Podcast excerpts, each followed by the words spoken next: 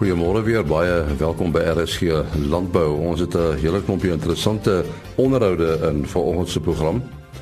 Daar is 'n bydrae oor die rol van navorsing en ontwikkeling in 'n landbou.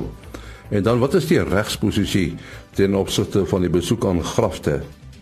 Daar is ook 'n bydrae oor drupbesproeiing. En dan natuurlik ons gewone wolmark verslag. Die program word aan jou gebring deur Netafim. Slim besproeiingsoplossings. Ons uh, gesels nou met uh, Hans Juri Moelman, hy is 'n senior direkteur by Moelman en Pina Prokureurs en ons gaan met hom praat oor die regulering van verblyf op plase met geskrewe ooreenkomste. Nou uh, Hans Juri dit uh, is gebeur dikwels dat uh, ouens plaas toe kom en sê hulle het voorheen daar gewoon en hulle wil nou uh, graftes besoek. Wat is die uh, uh, die benadering daar? Nee, ja, kortliks die die rede hoekom daar normaalweg uh, besoeke aan aan aan plase gebring word uh, met verwysing na historiese grafte is nie beskryf van die wet op herstel van grondregte. Ehm die die weet dit 'n hele proses ehm wat volg op die op die uh in die instel van 'n eis. Ek dink dit is belangrik om eers te onthou dat die die laaste afsnydatum vir die eise sedert in 1998 was die grondhuiskommissie hierdie eise ondersoek en uh die ondersoekproses uh, waar daar onder andere dat hulle is navraag moet doen oor waar die eis vandaan kom, wie die eisers is en wat die aard en omvang van daardie regte is. En dan is die metode wat hulle dan gewoonlik aanwend is om eh, in die geval waar daar 'n eise op spesifieke grond is, die eienaar te kontak en dan eh, eh, 'n afspraak te maak om die grond te besoek om bepaalde grafte, spesifiek grafte uit te wys waar waar mense voorheen woonagtig is. So dis nie kort en lank die rede hoekom plase besoek word om grafte te besoek, om grafte spesifiek grafte te besoek die die kort en die lank uit uit 'n grondeienaarsperspektief of die boerse perspektief is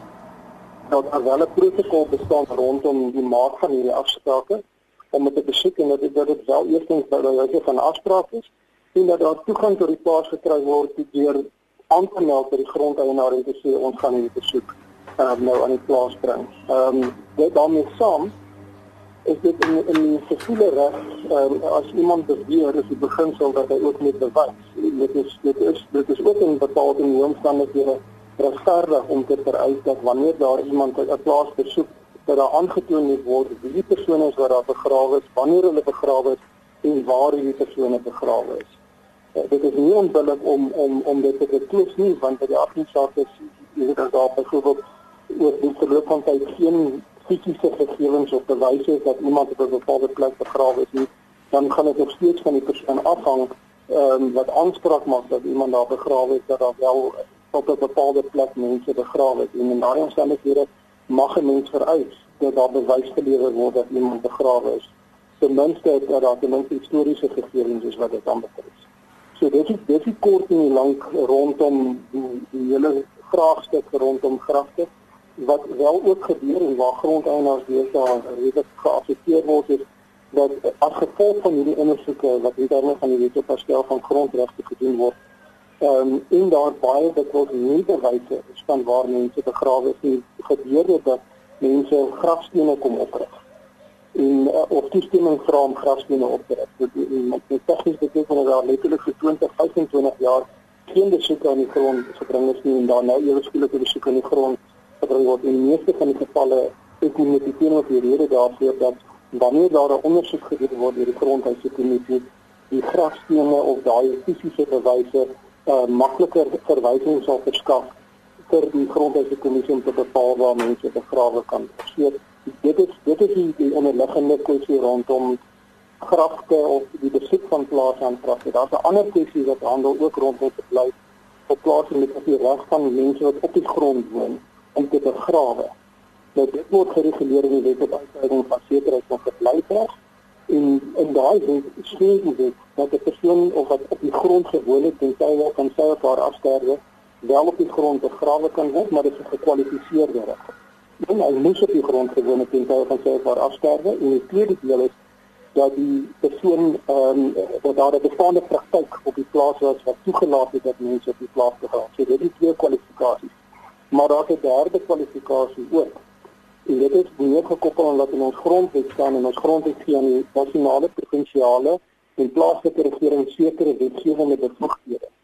En as dit gaan oor begrafnisse of begrafplase, dan gaan dit spesifiek oor die plaaslike regering se bevoegdheid en wetgewing daaroor te maak. En baie plaaslike owerhede, soos byvoorbeeld Tshwane, het spesifieke wetgewing wat begrafnisse reguleer wat byvoorbeeld bepaal dat jy geen ander plek behalwe 'n goedgekeurde begrafplaas mense mag begrawe nie. En in daardie omstandighede word die plaaslike owerheid ehm um, wat die voorkeur het uit hoofde van die grondwet se wetgewing ook voorkeur te kry om te bepaal wanneer jy as 'n eienaar versoek word om mense te begrawe of jy dit gaan toelaat of nie want jy kan nie goed toelaat dat dit stryd is met die met die plaaslike owerheid se wetgewing. Nou, sê baie dankie aan Hans-Juri Moelman en hy is senior direkteur by Moelman en Pinaar Prokureurs. Daar word tans veral onder skooliere geglo dat navorsing en ontwikkeling, veral as dit kom by mekanisasie, die rede is vir die afname in werkskepping in landbou. Ek gesels nou hieroor met Dr. Aartjan Verskoor. Hy senior bestuurder strategiese inligtingbestuur by die Landbou Navorsingsraad in Pretoria. Wat beteken die term navorsing en ontwikkeling in landbou spesifiek?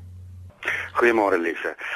Navorsing is is is is altyd baie harde werk en dit kan baie jare duur om byvoorbeeld 'n nuwe kultivar te teel en dan te toets en na 'n lang toetsing uiteindelik vry te stel. Dit behels spanwerk, dit behels innovasie, dit behels nuwe tegnieke, nuwe bestuursmetodes ondersoek en dit toets. En dit gaan primêr daaroor hoe om produksie te verhoog, hoe om kostes te verlaag en hoe om meer volhoubaar te produseer. Dis nou navorsing. As dit nou kom by ontwikkeling of of my interpretasie daarvan, dan gaan dit meer oor hoe toets ons hierdie produk wat ons nou of hierdie konsep wat ons ontwikkel het en hoe bemark ons dit? Want 'n boer moet uiteindelik besluit hy wil hierdie nuwe ding, hierdie nuwe kultivar of hierdie nuwe stukkie masjinerie gebruik. En hy moet hy moet seker wees dit gaan beter wees as wat hy het. En dit kan ook 'n proses wees wat tyd vat. Dit vat maklik 20 jaar om 'n nuwe tafeldruifkultivar in die mark te kry. So navorsing en ontwikkeling is 'n is 'n lang proses, maar dit is 'n baie 'n baie belangrike proses in Suid-Afrika. Waarom sou jy sê is daar vandag minder werksgeleenthede op 'n plaas? Dit gaan maar oor die feit dat boerdery het oor die eeue meer gesofistikeerd geraak, né? Dit is dit is amper half logies. In die middeleeue het die meeste mense wat op aarde woon in in die landbou gewerk. En net 100 jaar gelede was een uit elke 3 Amerikaners nog betrokke in die landbou. Want ons het eers met handimplemente gewerk en toe kom die eenskaar ploeg. En die eenskaar ploeg het 'n geweldige omwenteling gebring want toe kan die een boer, die een broer gaan skoene maak in plaas van om te ploeg, uh, om nou maar 'n eenvoudige voorbeeld te gebruik. En ons weet hoe lyk vandag se moderne ploë, hulle het bietjie meer as net eenskaar. Uh en, en Ek wil ook net noem navorsing vertel nou vir ons dat die tyd van die ploeg dalk grootliks verby is. Geen bewerking is is deesdae die manier om te gaan. Maar en dis en dis waar die goeie nuus kom. Al hierdie dinge, al hierdie nuwe innoverings vereis baie werk en vereis dat daar ander vereistes is in terme van implemente en insette. So ja, mekanisasie vervang werksgeleenthede, dit is so, maar dit skep ook ander voor en na primêre produksie. Maar dis waar, daar's minder mense in die landbou vandag in die wêreld en in Suid-Afrika as wat daar was. Uh dit help ook dat ons meer kan doen met minder en baie vinniger. En tog ook dat die waardeketting ook baie langer is, né? Daar's baie meer mense vandag betrokke in die verwante bedrywe aan die landbou. Mense kan dink aan pakkers en kassiere in supermarkte, jou gesondheidsinspekteurs, trokdrywers uh ensovoorts. Jy het nou so vinnig aan eh, mekanisasie geraak, maar wat is die rol van tegnologie in werkskepping? Die rol van tegnologie is krities. Dit eh, navorsing en tegnologie veroorsaak innovasie en innovasie veroorsaak vooruitgang. En dis nuwe produkte en dis meer produkte en meer produksie en dit laat die ekonomie groei. Ek kan 'n voorbeeld noem, uh die mekanisering van die spinwiel en ons praat nou van iets wat meer as 100 jaar terug gebeur het, het baie mense hulle werk gekos.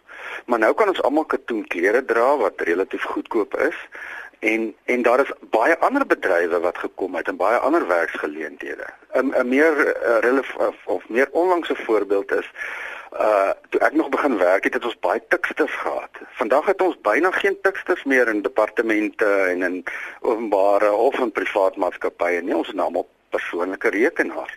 Maar nou is daar 'n hele generasie IT of IT spesialiste wat werk. En in die landbou is dit maar baie dieselfde. Daar's minder mense wat ploeg en plant, maar ons almal eet nog en dus moet kos meer effektief geproduseer word en dit veroorsaak dat daar baie mense betrokke is in die voedselketting en op baie meer vlakke as tevore. Nou jy het gesê dit beteken vooruitgang, maar dit bring saam met mekanisasie ook uh, werksverliese mee en jy het nou nou ook vinnig daaroor gesels. Ja, dit is uh, ja, da, eh, dit is eintlik is die antwoord ja en nee. Daar is minder mense wat ploeg en plant en oes maar daar's baie meer mense wat dienste verskaf in die bedrywe wat insette vervaardig, wat bemarking doen, wat masjinerie maak, wat voedsel verwerk, wat voedsel vervoer ensovoorts. In 'n in 'n dinamiese ekonomie is daar eenvoudige 'n eh, balans tussen werkskepping en werksverlies en dinge verander altyd en almekaar en ons moet eenvoudig aanpasbaar wees. Ek wil ook net noem dat in 2016 het die boere in Suid-Afrika 50% meer graan geproduseer as in 1975 en dit op plus minus 2 miljoen hektaar minder as toe. Dis 'n ontsettende toename in effektiwiteit en in kostebesparing. So ja, dit het gepaard gegaan met met werksverliese, maar soos ek al genoem het, daar was werkstoename in ander vlakke. Uh en baie interessant, net sedert 2011 tot Maart laas jaar het ons 'n 40% toename gemeet in werksgeleenthede in die landbou. Die rede daarvoor is is dat daar het sekere bedrywe en nou praat ek veral van tuinboubedrywe het baie goed gedoen die afgelope paar jaar ook op die internasionale mark. En dit vir as dit goed gaan met boere dan kan hulle mense in diens neem. En dit is die gevolg van tegnologie wat veroorsaak het dat ons beter kultivars het, beter produksiemetodes ensovoorts. Maar hoe stimuleer landbounavorsing en ontwikkeling werkskepping in die landbousektor? Ja. Navorsing, soos ek genoem het, stimuleer in die eerste plek beter produksie. Nie net hoër produksie nie, hoor, maar ook meer volhoubare koste-effektiewe produksie. En navorsing is ook die lens waarmee ons na die samelewing kyk en na die sektor. Ons kyk wat is nodig en waar moet ons beperkings ophef en so aan. Uh dit beteken ook dat ons kyk na meer effektiewe produksie en hulpbrongebruik en nie net natuurlike hulpbronne nie, maar ook mense en masjinerie. Ek wil net vinnig daarby kom dat in 1850 was daar 1.2 miljard mense op aarde. 1.2 miljard. In 1950, 100 jaar later, was daar 2.55 miljard mense. Maart hierdie jaar, hierdie maand, is ons 7.49 miljard mense. So die die die mensdom styg. Ons ons al hoe meer mense en steeds kry boere dit reg om vir ons kos te gee. Steeds pro produseer hulle hierdie geweldige toenemende populasie. So dis 'n dis 'n wonderlike ding en dit beteken ook dat daar uh mense in die landbou betrokke moet wees. Daar is baie mense betrokke in die landbou en hulle is omdat ons goeie tegnologie het. Uh tegnologie skep eenvoudig baie geleenthede in die waardeketting. Ek glo natuurlik ook dat Suid-Afrikaanse boere sal aanhou om genoeg kos te produseer. Ons mits die politici net besef hoe belangrik die die sektor is en nie te veel karring nie want want as die landbou sukkel gaan ons almal sukkel uiteindelik. Uh, dit sal natuurlik ook krities wees dat globale en nasionale navorsingskapasiteit ondersteun word. Ons het ons het geld nodig om kos te produseer en die probleem is dis dis 'n dit lyk soos 'n kleiner prioriteit as as die sosiale bystand en en uh opvoeding en so aan maar ons moet almal eet. So dit is geweldig belangrik dat navorsing genoeg befondsing kry. Ja, en ek weet daar is kommer in Suid-Afrika veral onder ons boere oor navorsing en ontwikkeling en dit is nou my volgende vraag.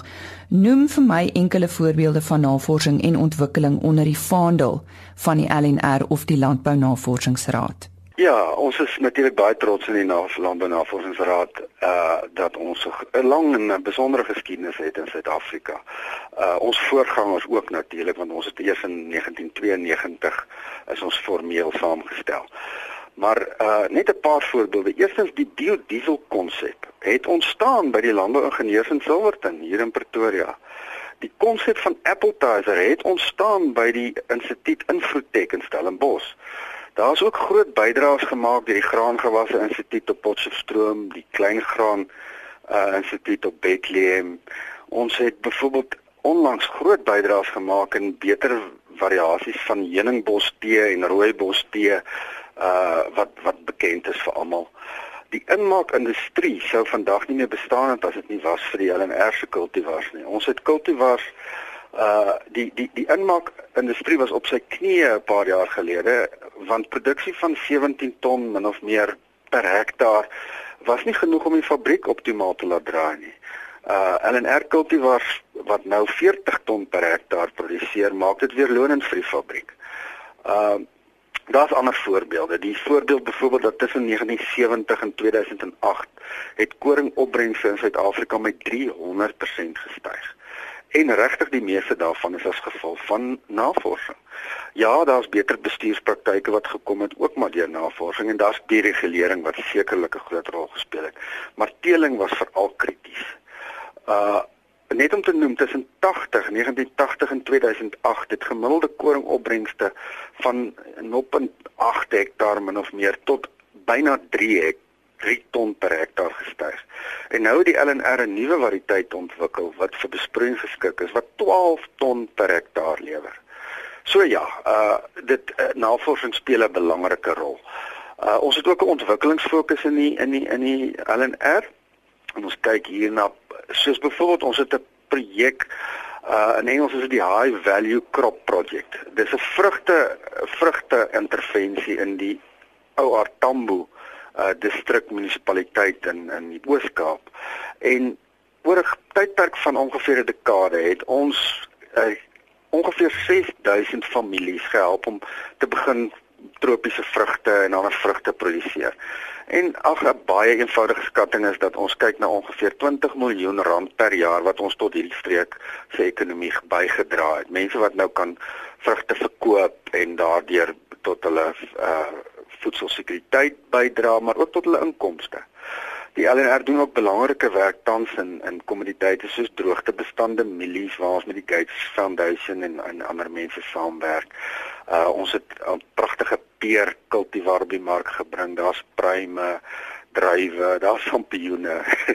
daar's biologiese beheer van indringerplante waar ons 'n baie belangrike rol speel om te kyk na na die groot probleem van indringerplante.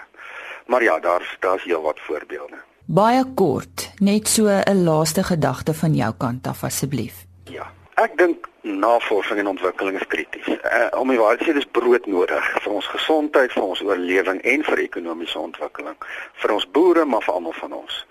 Uh ons sal tog saamstem, ons hoef nie almal boere te wees nie. Ons het vir Laurika Raug nodig om te sing. Ons het vir AB nodig om krieket te speel en ons het vir Dion Meyer nodig om boeke te skryf. So werksgeleenthede is belangrik in die landbou, maar dit is ook belangrik dat ons die die breër publiek dien en dat ons ander geleenthede ook skep.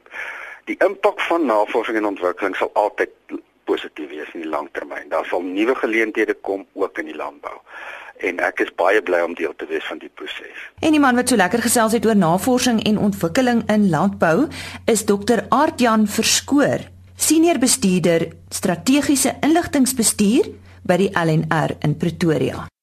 En uh, hier is Jolande Rood nou met die jongste wolmark verslag. Goeiedag. Die wolmark verhandel effens hoër met die Cape Bulls Merino aanwyser wat styg met 0,3% en 49 punte om te sluit teen 'n waarde van R164 en 34 sent per kilogram verskoon wol. Op die Australiese mark was die aanwyser 4,9% af, terwyl die Cape Bulls alle aanwyser met 0,3% gedaal het. Die wolmark handhaaf die huidige hoër vlakke met goeie markaanvraag vir wol waar kopers maan dat die verswakking in die waarde van die rand die pryskorreksie op veral sterker wol verbloem. Die meerderheid van die aanbiedinge is gemiddelde lengte fyner wol waarvoor daar steeds ywerig meegeding is. Met standaard wol wat bykans 2 keer soveel wol as sy naaste teenstander gekoop het. Altesaam 98,5% van die meer as 7000 bale wat op die veiling aangebied is, is verkoop. Die grootste kopers op die veiling was Standard Wool SA, Modiano, Lemprere SA en Stacken & Company. Die gemiddelde skoonwolpryse vir die seleksie binne die verskillende mikron kategorieë, goeie, langkamwol tipes was soos volg: 18 mikron neem toe met 1,8% en sluit teen R222,48 per kilogram. 18,5 mikron neem toe met 4,7% en sluit teen R216,99 per kilogram. 19 mikron styg met 1,7% en sluit teen R200,13 per kilogram. 19,5 mikron neem af met 0,8% en sluit teen R174,52 per kilogram. 20 mikron verlaag met 0,1% tot R157,87 per kilogram. 20,5 mikron is 0,6% swakker en sluit op R149,05 per kilogram. 21,0 mikron neem af met 2,7% en sluit op R143,62 per kilogram. 21,5 mikron is met 0,1% af en sluit op R139,78 per kilogram. 22 mikron is 3,9% af en sluit op R133,97 per kilogram. 22,5 mikron is 2,1% laer en sluit op R131,52 per kilogram. Die volgende veiling vind plaas op 19 April wanneer daar meer as 6300 bale aangebied sal word. Jolande Rood. Ons uh, gesels met Willem Botha, hy's bemarkingsbestuurder by Netafim en uh, hulle is baie aktief in, in die uh, drupbesproeiingsgebied. Uh, uh, ons sal 'n bietjie met hom gesels oor 'n uh, onlangse toer wat hulle na die uh, pekanneutverbouingsstreke in Amerika gehad het. Uh, Willem, wat was die hoofdoel van van hierdie toer uh, waar jy op was? Anyway, dankie. Ehm um, Rover Tour het het on, ons en en nog drie ander maatskappye naamlik um, Intelligrow, Ravik Leers en Bester genader om saam met 'n groep boere oor te gaan um, en die Pekan noem dit Pekan verbouingsareas te besoek van um, New Mexico en dan ook dan Arizona. So deel van die besoek was dan ook gewees om die konferensie van die Western Pekan Growers Assosiasie hulle konferensie by te woon en dan ook om natuurlik boordbesoeke te doen en te kyk hoe kan ons leer by die Amerikaners. Uh, hulle gebruik baie vloedbesproeiing, nê. Nee. Dit is reg, hulle is hoofsaaklik nog vloedbesproeiing.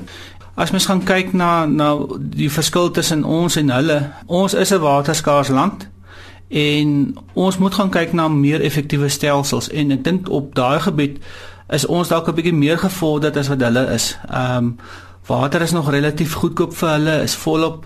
Hulle so hulle het nie nodig om te verander van van van die ou praktykie waar ons aan die ander kant ons waterbronne begin onder druk kom. Daar's redelike kostes om die water op die plaas te kry. So ons moet gaan kyk na ander stelsels. Ja, julle bande met julle Israel se uh, moedermaatskappy maak dit natuurlik interessant nê nee, want hulle is meesters op die gebied van druppelsproeiing. Dis absoluut. Ehm um, ek dink ook wat wat mens moet sê alhoewel druppelsproeiing ons grootste uh, lyn is ehm um, van besproeiing, glo ons soos wat die Engelsman sou sê in smart solutions So ons is nie net 'n drupmaatskappy nie, ons kyk na ons kyk na uh, ander ander uh, stelsels ook. Byvoorbeeld, um, as mens gaan, gaan kyk na die opsies wat 'n pekenet boere, hy kan enigiets kies, kies van 'n makrospuit af wat vol oppervlakte nat maak tot bietjie 'n kleiner spuit wat uh, 'n uh, baan of 'n strook van so 6-7 meter nat maak of kleiner spuitjies wat net rondom die boom nat maak. So daar's daar is tog wel ehm um, mikrospuit opsies Maar so ek sê ons is groot in die drup, so die boer kan op die einde van die dag kan hy kies tussen of bo-grondse drup of ondergrondse drup en na 'n geweldige keuse of 'n wye keuse tussen wat jou lewering moet wees, wat die spasierings moet wees. So daar's 'n hele paar opsies wat die Suid-Afrikaanse boer het. Ja ja, ons praat nou van vloed en drupbesproeiing. Is dit die enigste soort besproeiing? Daar's mos nou ander ander stelsels ook, ehm um, as mens gaan kyk na spulpunte. Maar op die einde van die dag as mens nou meer fokus op op die pekanete, dan is is is basies die hoof hoofstelsels wat in Suid-Afrika gebruik word, uh, is is maar daar is vloed nog steeds vloed en dan is daar ehm um, 'n hele klomp drip in bogronds of ondergronds en dan is daar 'n klomp mikrospuite ook. Jy het nou uh, eintlik gaan kyk wat daar aangaan. Is daar iets wat jy geleer het? Ek dink wat vir my uitstaan van die toer is ehm um, en dit kom eintlik van 'n besoek van 'n uh, uh, een uh, een van die Amerikaanse boere ou Dikkie Salopek. Ehm um, hy glo in om die basiese beginsels reg toe te pas.